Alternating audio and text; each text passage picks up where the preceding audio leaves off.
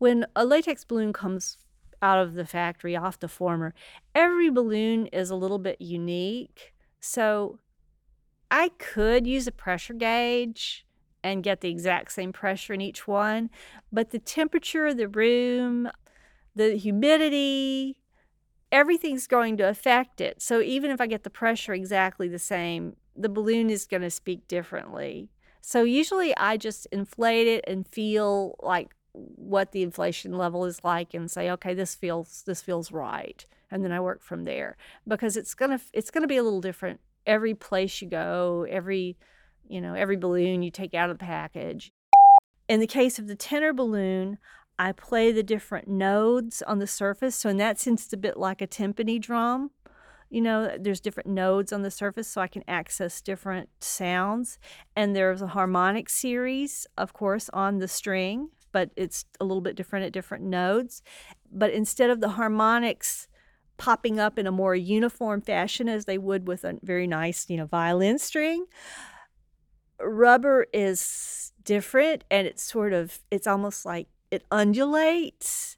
And so when the harmonics pop up, they kind of go you wee wee wee wee you know they're they're like they're they're not they're not steady so they're always going up and down, you know, so that they pop up, but they pop up and there might be microtonal differences between the different harmonics, even in that millisecond when it pops up the up the series. And also the curvature of the surface affects it. So it's not a standard harmonic series, but there is a harmonic series, sort of. You know, there is a series. There is a series of pitches that come up from it. So I work with all that in playing the tenor balloon. Now I play this twister balloon that's um, more of a dirigible. It's the kind of balloons used to make balloon animals. They speak differently, they have a different uh, way of sounding. I think they sound a little like a didgeridoo.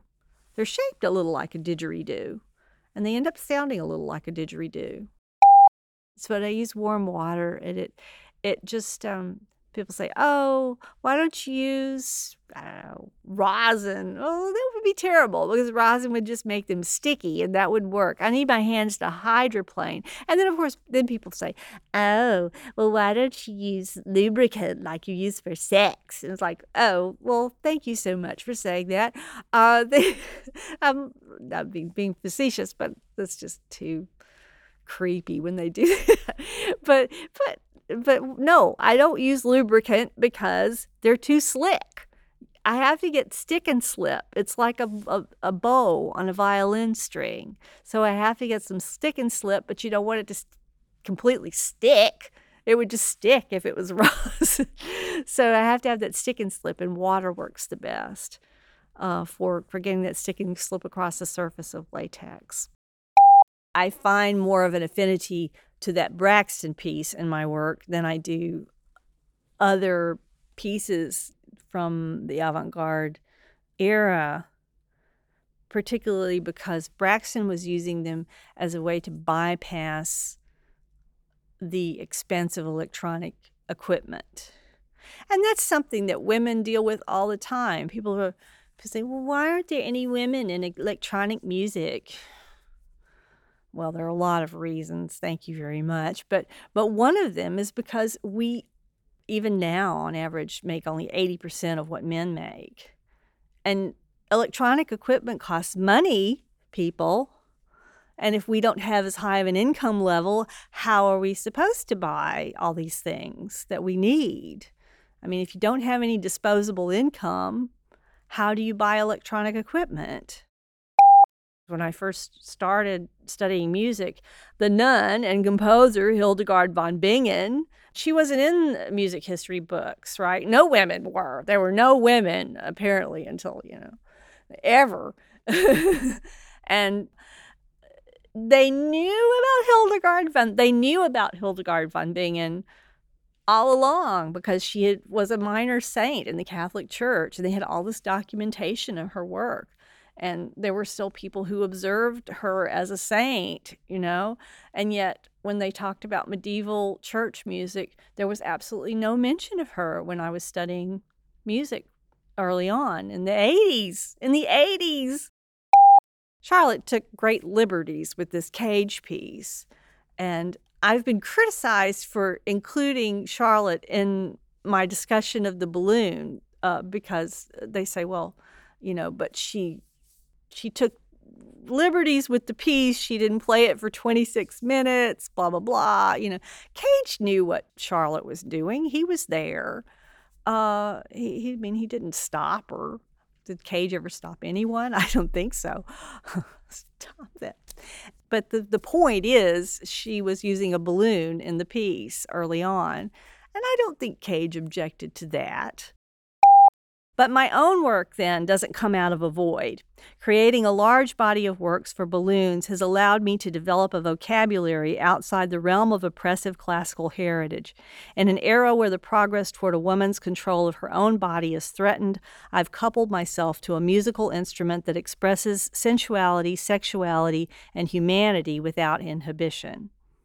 And that does sum it up. Since the early 1990s, I've been creating works which use broadcast signal the electromagnetic spectrum and other telecommunications technology, including phone and streaming, as concrete artistic material. Some of these works have been created under pseudonyms. The earliest piece was Duo for Radio Stations from 1994. Then there's Sex Workers Internet Radio Lounge, Swirl, which ran from roughly 2006 to 2008. And then a series of telematic projects after then. The first transmission art project I did was in 1994 called uh, Duo for Radio, which was um, sort of like an opera. I've always been fascinated with radio since I was a kid uh, living in Mississippi, and you know we lived in the country, and uh, we I was very isolated, but yet at night, I could pick up all these radio stations from everywhere. I could listen to WTUL in New Orleans, listen to jazz, or I could pick up the latest rock hits from, you know, some station in Arkansas and Little Rock that I would pick up. You know what I mean? So so I I love this idea of of that sort of accessibility that that radio gave. And I just like the idea of radio. I particularly like analog radio, so I hate to see digital take it over. So, what inspired me to make um, Duo for radio stations, I can't say for sure, but um, but it's the surrealist version of a half hour live radio show. So I was using the old kind of radio formats, you know, to think to think I not so much how they format things now sort of like small town commercial radio prior to the Reagan era. So there's a talk show that sort of weaves through everything, but it's actually me and Chris Nelson singing. And then sometimes we interview, but not really interview. We would be singing and we would improvise with Tamio Shiraishi, who was calling us from a payphone in Tokyo, which was really cool because you got all this kind of feedback and stuff from him calling from the payphone in Tokyo, you know and then us, you know, singing with him. But it was broadcast live on WKCR in at Columbia University in New York and uh, WFMU in New Jersey. So you could pick up for most of the New York City area. You could pick up both stations, and so you could literally you could if you had two radios, you could listen to both stations, and there was different material on each station, but the two pieces fit together. So you could listen to each one separately and hear one thing, or you could listen to the two and they fit together, which I thought was kind of and it was cool that suddenly i don't know i just saw the stars in place and said okay i got to do this now because i had friends that had shows at both stations and i knew that i could pull it off you know? And so uh, i had a ton of material for that thing uh, we had, I think we had 14 live musicians, like about seven at each station. And then Tamio calling in from Japan. And then I had a whole bunch of tape creations that also had contributions by different people. Anna Homler uh, gave me some things, a singer, Ellen Christi, a jazz vocalist, um, Fred Lomberg-Holm, uh, Charles Rogers, um, Julie Nichols. All those people did like tape creation stuff, and people were doing live improv. Um, and I had like different structures laid out. So the the taped material formed like these commercial sets, like you would go to a commercial set, quote unquote commercial set, but then it would just be a series of, of very short tape pieces that were like 30 seconds to 60 seconds long. And and those tape pieces, a lot of those used transmission sounds as well. Like I might uh, get people to, you know, do something with different radio bands or do stuff that with like listening to a radio station and interpreting it through headphones at the same time and singing or it was all you know everything had to do with with radio somehow you know but yet it also involved the talents and contributions of a lot of different people and so that was the first large scale transmission art project I did. And then I didn't do much at all with transmission, at least not that I remember, until until Swirl. The work sought to expand the idea of a composer as an organizer of sound into a community art project that gave a voice to a community that's often relegated to silence, that community being sex workers. And the audio only format provided a level of anonymity, which is necessary when you're doing something that's illegal so that was how I sold it to my PhD dissertation committee with, with my PhD being in music composition. I did not want to write a symphony for my for my dissertation. So sex workers internet radio lounge was my dissertation. And so it, sex workers created the content. Though my participation in the project was substantial by mean because it was my dissertation and it had to be. Um, so I collected audio material and coordinated the project and everything. I collected original music by sex workers. I couldn't use covers for you know obvious reasons, but I saw original music, stories, lots of sex workers doing stories and performance art, poetry, interviews, of course, political stuff that they wanted to talk about. Um, panel, had a panel discussion, speeches. Uh, some of this was stuff was already recorded and was sent to me. Um, some of it was from Maxine Doogan had a program out um, on the West Coast that she did for a while about sex workers. She sent some of those interviews to me there were recordings of speeches that people sent in.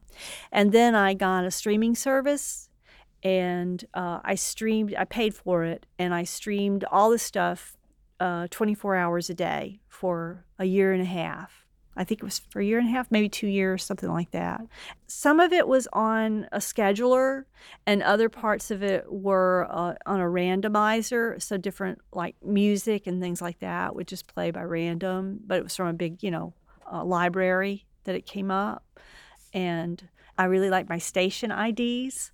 I had station identification, which I, I went to different sex workers and had them say, You're listening to Swirl and or you're listening to Sex Workers Internet Radio Lounge, and then I would edit that and have that pop in periodically, you know, and uh, I, I produced some public service type um, ads and stuff for um, Sex Workers Outreach Project and St. James Infirmary in San Francisco, and um, I knew people through the sex workers movement from the time I was associated with Diane Torr around 1990 but also I just know people. Also, the Sex Workers Project, I did a, a public service ad for the Sex Workers Project in New York City. I'm friends with Melissa Ditmore, who, Melissa Hope, who works for the sex workers, who has worked for the Sex Workers Project, and she's a political activist in the sex workers movement and, and also a academic as well and she's she was an advisor on the Swirl project. The thing was, it wasn't all about sex work. the The station was not about sex work. It was about sex workers doing what they wanted to and getting it all broadcast in this 24 hour stream. I think I had around 75 hours of audio when it was all said and done. So a lot of the people just a lot of sex workers listened to it through the through the time and I think they liked it. I think they found it. And then also other people that listened to it, the feedback I got was people would listen and say, "But it's not about sex work." That well, uh, well, I listened for a couple of hours and finally there was something on about sex work. I'm like, yeah, well, you were listening to music by sex workers and you were listening to poetry by sex workers that may not have been about sex work. You know, I mean, sex people, just because they have a job doesn't mean that's who they are. You know, it's just their job. You know, so I think that was part of the point was to say sex workers are just like everybody else and they need rights and they need protection and they certainly don't need to be you know, ghettoized or, you know, you know, treated as lesser than. I mean, you know, they have lives, they have husbands. You know, they're just people and you need to consider their rights and their feelings and, and all this and and have some respect, you know, for them doing this hard job. And then kept I kept going on. I even kept going on it after I finished my dissertation because it was one of those things you can't just like stop a moving train. it was whoa. so I just kept kept going with it for a while and then gradually, you know, wound it down. I had this thing called the Dada worm and it had a whole bunch of different lives where I would do um, live telematic improvisation. I would do live improvisation with other people at other locations, electronic stuff on my computer, and it would be as if instead of instead of you're interviewing me here together, I can just call somebody up on the phone and it's all just broadcast live. And you could even do conference calls where you have a whole bunch of people talk, you know, all calling in and you could broadcast it all live. So I used that for music instead. So I was sending things via phone lines into the system. And of course, they had this really low bit rate and I was really exploiting the low bit rate. I love that sound. See, that's I like these weird inherent low tech or whatever sounds that you can get. So I was sort of exploiting that low tech sound for that for that work. So I would have people call in, but call in with sounds. Either they would send it through the phone or they would figure out some way to run their sound into their phone line. You know, so it's not this high quality stream that I was trying to get. I really enjoy those inherent artifacts.